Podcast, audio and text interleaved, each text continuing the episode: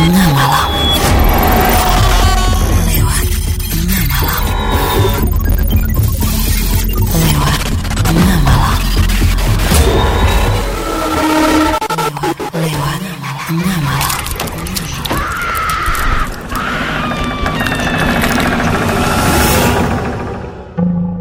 Hai, selamat tengah malam buat teman tengah malam yang setiap Senin dan juga setiap kami selalu tongkrongin podcast Selamat Tengah Malam karena kita bakal muncul episode baru hanya di dua hari spesial yang akan menghadirkan episode-episode yang gak kalah horornya dari episode sebelumnya. Kembali lagi bersama Willy Ardan yang hari ini excited banget bakal memunculkan kali ini kisah dari negeri tirai bambu. Nah untuk episode kali ini ini pilihan dari teman aku thank you banget ya buat advice-nya buat Dodi yang menyarankan untuk memunculkan di episode 33 mengangkat kisah horor dari mitos atau legenda vampir atau mayat hidup yang disebut dengan Jiangxi. Apa kabar buat teman tengah malam? Semoga juga kabarnya seru-seru aja, happy terus, sehat terus ya. Dan jangan lupa buat yang belum follow podcast lewat tengah malam di Spotify dan juga di Anchor, silahkan langsung aja ditekan tombol follow-nya dan buat kamu juga yang belum follow akun Instagram at podcast lewat tengah malam, silahkan juga langsung di follow. Boleh juga follow akun pribadi aku at Willy Ardan. Biar nanti kita bisa saling bertukar informasi, punya cerita, saran, kritik, apa pun itu langsung aja kirim by DM di Instagram atau lewat email willyardan13@gmail.com. Nah, yang spesial lagi nih, aku baru memulai buat memasukkan episode-episode yang sudah lama muncul di YouTube. Jangan lupa langsung aja di subscribe, like, dan juga di share channel podcast lewat tengah malam sudah ada di YouTube ya. Semoga juga makin berkembang ke depannya. Waktunya buat kita mendengarkan episode 33 di podcast lewat tengah malam berjudul Jiangxi.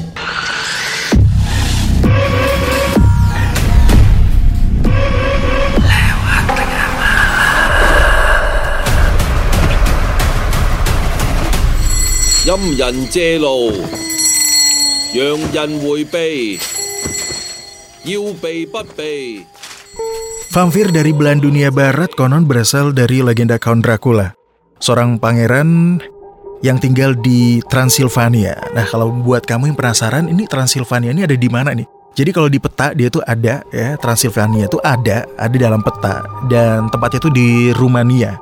Nah, jadi kalau misalnya kamu nonton eh, film-film vampir Count Dracula, kalau setahu aku sih kisah ini sebenarnya kisah lama ya yang diangkat ke novel. Jadi jadi satu novel. Aku pernah baca novel versi bahasa Inggrisnya malah karya dari Bram Stoker. Tapi malam ini kita nggak bakal ngomongin vampir alias Dracula karena kita bakal mendengarkan urban legend vampir asal Cina atau Jiangxi.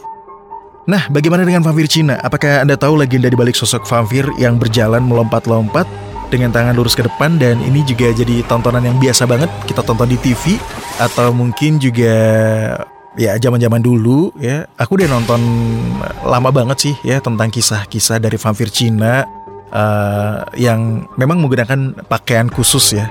Nah konon cerita vampir Cina ini berasal dari kaum yang berprofesi sebagai pengangkut mayat. Jadi zaman dulu nih teman tengah malam memang ada satu profesi di sana disebut sebagai pengangkut mayat atau yang memindahkan mayat. Mereka ini diupah sangat mahal untuk membawa mayat ke kampung halamannya. Kan biasanya itu zaman dulu mungkin zaman perang ya, mayat-mayat itu nah, korban dari perang atau orang yang jauh dari kampung halamannya nah, meninggal di kota yang berbeda atau di tempat yang berbeda ya biasanya akan dikembalikan ke kampung halamannya. Nah, inilah tugas dari pengangkut mayat untuk memindahkan mayat-mayat itu kembali ke kampung halamannya. Jiangxi juga dikenal sebagai vampir dari Cina, tipe mayat yang dihidupkan kembali, konon bisa dihidupkan kembali dalam legenda atau cerita rakyat Cina.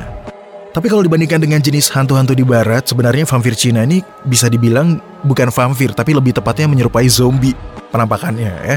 Dulu di Cina kerap terjadi pertempuran antar suku dan juga dinasti. Ya tentu saja letak medan pertempuran itu jauh dari kampung halaman si prajurit. Jadi ketika si prajurit tewas, keluarga biasanya meminta bantuan tukang pengangkut mayat untuk memindahkan atau membawa pulang kembali ke kampung halamannya. Bayarannya untuk profesi tukang pengangkut mayat ini cukup mahal. Seribu li untuk satu mayat ya. Saya nggak tahu tuh kalau dirupiahkan zaman sekarang itu berapa. Apalagi jika jarak kampung halamannya sangat jauh, nah semakin jauh upahnya juga jadi lebih dari seribu li. Nah, tidak sedikit keluarga yang tidak mampu membayar, biasanya mereka meminta bantuan pendeta Tao untuk mengajarkan cara agar sang mayat bisa berjalan sendiri sampai ke kampung halamannya demi penguburan yang layak. Tidak heran jika dalam film-film produksi Hong Kong tentang vampir Cina digambarkan para vampir berbaris teratur, kemudian mereka berjalan dengan cara melompat-lompat, tangan lurus ke depan. Kening para vampir biasanya ditempel kertas atau mantra, ya bertuliskan mantra agar tetap terkendali atau tetap bisa dikendalikan oleh sang pendeta. Dan di depan barisan vampir berjalanlah seorang pendeta tahu sambil membunyikan lonceng. Dan uniknya lagi, ritual membawa pulang vampir ini harus dilakukan pada malam hari. Nah, ngomong-ngomong soal ritual mayat berjalan, satu tradisi di Mamasa yang bisa memerintahkan atau membuat si mayat pulang ke kampung halamannya juga. Nah, tradisi mayat berjalan di Mamasa ya ini katanya pernah ada dan nyata, tapi saya juga belum menggali informasinya lebih jauh lagi, belum punya informasinya lebih lengkap lagi. Tapi konon Mamasa memiliki tradisi seperti ini. Jadi mayat dijalankan ketika ada orang Mamasa yang berada di luar meninggal, kemudian mayatnya akan dibawa kembali ke kampung halamannya. Namun karena kampung halamannya jauh maka si mayat itu dibuat berjalan sebagai simbol pulang ke kampung asalnya. Nah konon di Mamasa jika ada orang yang meninggal dalam perjalanan barangkali karena sakit dan sebagainya maka cara yang dilakukan tidak diperkenankan atau tidak diperbolehkan untuk membopong mayat itu untuk pulang ke rumahnya. Karena itu dengan menggunakan ilmu tertentu, maka mayat disuruh untuk berjalan sendiri. Sementara sana keluarga membantu dengan menuntunnya. Satu hal yang penting adalah mayat yang berjalan demikian tidak boleh disapa karena akan jatuh dengan sendirinya. Nah, seperti itulah tradisi mistis di Mamasa. Oh iya, buat teman-teman malam, Mamasa ini adalah salah satu kabupaten yang masuk di Sulawesi Barat. Nah, suku Mamasa ini sering juga disebut sebagai suku Toraja Mamasa.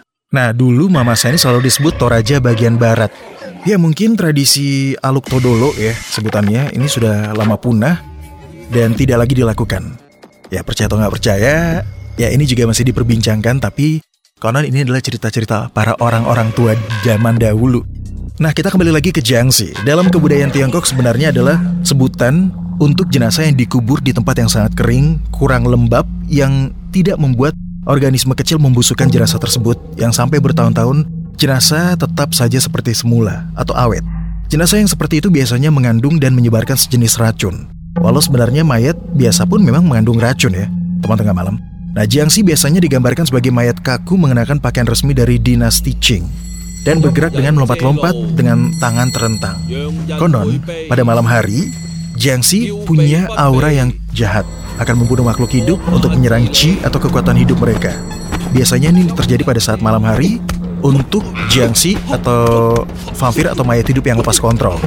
Sedangkan di siang hari mereka dalam kondisi bersembunyi di tempat yang gelap atau seperti seolah-olah mati, ya. Nah, akhirnya legenda Jiangxi ini menginspirasi genre film Jiangxi dan sastra di Hong Kong dan juga Asia Timur yang kerap menjadikan monster ini muncul dalam film-film mereka. Vampir Cina atau dalam bahasa Cina-nya disebut Jiangxi atau Chiangxi, memang lebih tepatnya disebut mayat hidup atau zombie yang dikendalikan dengan mantra. Kalau di Korea, zombie seperti ini disebut Gangxi. Di Jepang disebut Kyonshi. Lalu bagaimana Jiangxi bisa diciptakan? Jawabannya ada dalam penjelasan Xiaolan, dia adalah seorang ilmuwan yang hidup pada masa dinasti Qing. Dalam bukunya, Ziolan menyebutkan mayat yang lama terkubur tapi tidak membusuk bisa menjadi vampir atau zombie. Keadaan ini bisa terjadi jika komposisi kimia tanah pemakaman tidak cocok untuk organisme hidup sehingga bakteri tidak ada untuk membantu proses pembusukan. Rambut dan kuku mayat tampak tumbuh dan tidak ada tanda-tanda dekomposisi. Jika makamnya tidak segera dipindahkan, mayat tersebut lama-kelamaan bisa berubah menjadi jiangxi. Nah, menurut Jiaolan, Jiangxi juga diciptakan menggunakan kekuatan supernatural dengan menghidupkan kembali orang mati. Oh ya, Jiangxi sendiri berarti kaku atau keras. Definisi ini diberikan kepada mereka karena saat meninggal mayat mengeras karena kekakuan mayat dan tidak bisa bergerak bebas dan karena ritual unik pada zaman dinasti Qing di tahun 1644 hingga 1692. Nah, ternyata konsep vampir sudah ada sejak masa peradaban kuno. Konsep vampir era modern yang kini kita kenal sebagai salah satu hantu dengan taring, kuku panjang, dan pengisap darah, ternyata malah sudah ada sejak masa kuno. Menurut laman Ancient Origins, bangsa Sumeria kuno yang hidup sekitar 4500 sampai 2000 sebelum Masehi sudah mempercayai adanya vampir. Tapi mereka menyebutnya dengan sebutan Ekimu, yaitu arwah orang meninggal yang terkena kutukan sehingga tidak bisa istirahat dalam kubur dengan tenang. Akibatnya arwah tersebut dipercaya sering mengisap darah orang yang masih hidup Bahkan Ekimu ini bisa menembus pintu untuk mencari mangsanya. Nah, hal ini sejalan dengan apa yang dipercaya oleh masyarakat Tiongkok kuno. Mereka menyebutnya dengan Jiangxi. Banyak versi sih, hampir di seluruh dunia punya versi masing-masing tentang vampir yang dikategorikan sebagai makhluk supranatural. Nah, sebenarnya cerita tentang Jiangxi atau vampir Cina ini adalah semacam urban legend ya yang beredar di masyarakat. Walaupun ada dalam literatur sejarah, tapi dalam sejarah nggak resmi yang berupa catatan dan dari pengalaman seseorang. Di Tiongkok, catatan sejarah dibagi menjadi dua, catatan resmi yang berasal dari Kamar Sejarah Kekaisaran dan catatan tidak resmi atau Yeshi atau Waishi yang bersumber dari masyarakat sekitar. Literatur yang mencatat tentang Jiangxi atau vampir ini adalah buku Suyiji yang isinya tentang catatan kejadian-kejadian aneh di zaman dinasti Qing pada pemerintahan Kaisar Sunzi sampai Kaisar Kangxi. Dalam buku sejarah ini menyebutkan ada desa vampir di selatan provinsi Hunan sekarang ini lokasinya pada awal dinasti Qing. Konon, menurut legenda, di siang hari Jiangxi terletak dalam peti mati atau bersembunyi di tempat gelap seperti gua. Dan pada malam harinya dia bergerak dan melompat-lompat dengan kedua tangan lurus ke depan. Tidak semua vampir Cina digambarkan melompat-lompat seperti itu. Tapi ada juga gerakannya mirip zombie dengan wajah atau kulit pucat, badan yang membusuk dan punya taring seperti Dracula. Vampir yang seperti ini kekuatannya lebih besar dan sering disebut sebagai Raja Vampir. Jiangxi memiliki kekuatan supranatural, mempunyai cakar yang tajam dan gigi yang tajam, dan juga bahkan bisa melompat cukup tinggi. Semakin lama umur Jiangxi maka akan semakin sakti atau powernya semakin besar. Konon Jiangxi juga memiliki kelemahan. Dia tidak bisa melihat, dia mendeteksi makhluk hidup melalui nafas. Jadi dia mengejar apa pun yang bernafas. Jiangxi juga tidak bisa terkena langsung oleh sinar matahari. Jiangxi tidak bisa melewati air yang mengalir, takut pada beras ketan putih, garam, bawang merah, dan juga bawang putih. Ada berbagai versi mengenai Jiangxi. Versi yang mengatakan bahwa mayat menjadi Jiangxi karena arwahnya tidak bisa keluar dari tubuhnya akibat kematian yang tidak wajar, dendam, atau bunuh diri. Ada juga versi lain yang mengatakan bahwa Jiangxi adalah mayat hidup yang dibangkitkan oleh Taois atau pendeta Tao untuk memindahkan si mayat kembali ke tanah asalnya bila keluarga si mayat tidak punya uang karena pemindahan mayat oleh Taois memerlukan biaya yang lebih murah. Pada zaman dahulu, terutama di daerah Jiangxi, banyak orang yang pergi merantau mencari pekerjaan dan ketika perantau ini mati, mayatnya akan dikirim kembali ke daerah asalnya karena menurut kepercayaan jika mayat tidak dikembalikan ke daerah asal, arwahnya tidak akan tenang. Nah, pendeta tahu hanya akan memindahkan Jiangxi di malam hari sambil membunyikan lonceng agar orang-orang yang lewat tahu bahwa Jiangxi akan lewat. Pendeta Tao menggerakkan Jiangxi dengan cara menggerakkan tongkat bambu naik turun dan para Jiangxi akan bergerak serentak melompat mengikuti tongkat bambu tersebut. Setiap Jiangxi dikendalikan memiliki secarik jimat berwarna kuning atau kertas hu di dahinya dan jika jimat terlepas, Jiangxi akan menjadi haus akan energi kehidupan dan akan lepas kontrol. Menurut kepercayaan setempat, orang yang melihat Jiangxi akan mendapatkan sial. Konon, jika ada orang yang digigit Jiangxi bisa disembuhkan dengan berendam dalam air rendaman ketan putih, supaya dia tidak ikut berubah menjadi Jiangxi. Demikianlah sebagian kecil cerita legenda dari negeri Tiongkok, yang ceritanya memang sangat melegenda dari zaman dulu hingga sekarang. Percaya atau tidak, ya itu kembali ke Anda semua, teman tengah malam. Tapi di setiap negara, setiap tempat, setiap wilayah memang mempunyai tradisi-tradisi kuno, tradisi-tradisi unik yang kadang-kadang memang di luar dari nalar kita. Lewat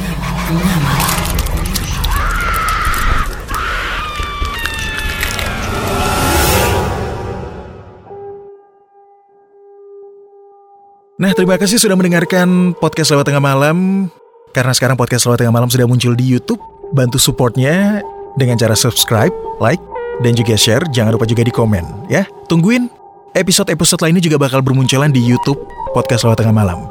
Tongkrongin terus podcast lewat tengah malam di Spotify dan juga di Anchor biar kamu bisa menyimak ada episode horor apalagi yang muncul di podcast lewat tengah malam. Saya tutup episode kali ini. Terima kasih sekali lagi untuk semua teman tengah malam. Sampai jumpa dan selamat tengah malam.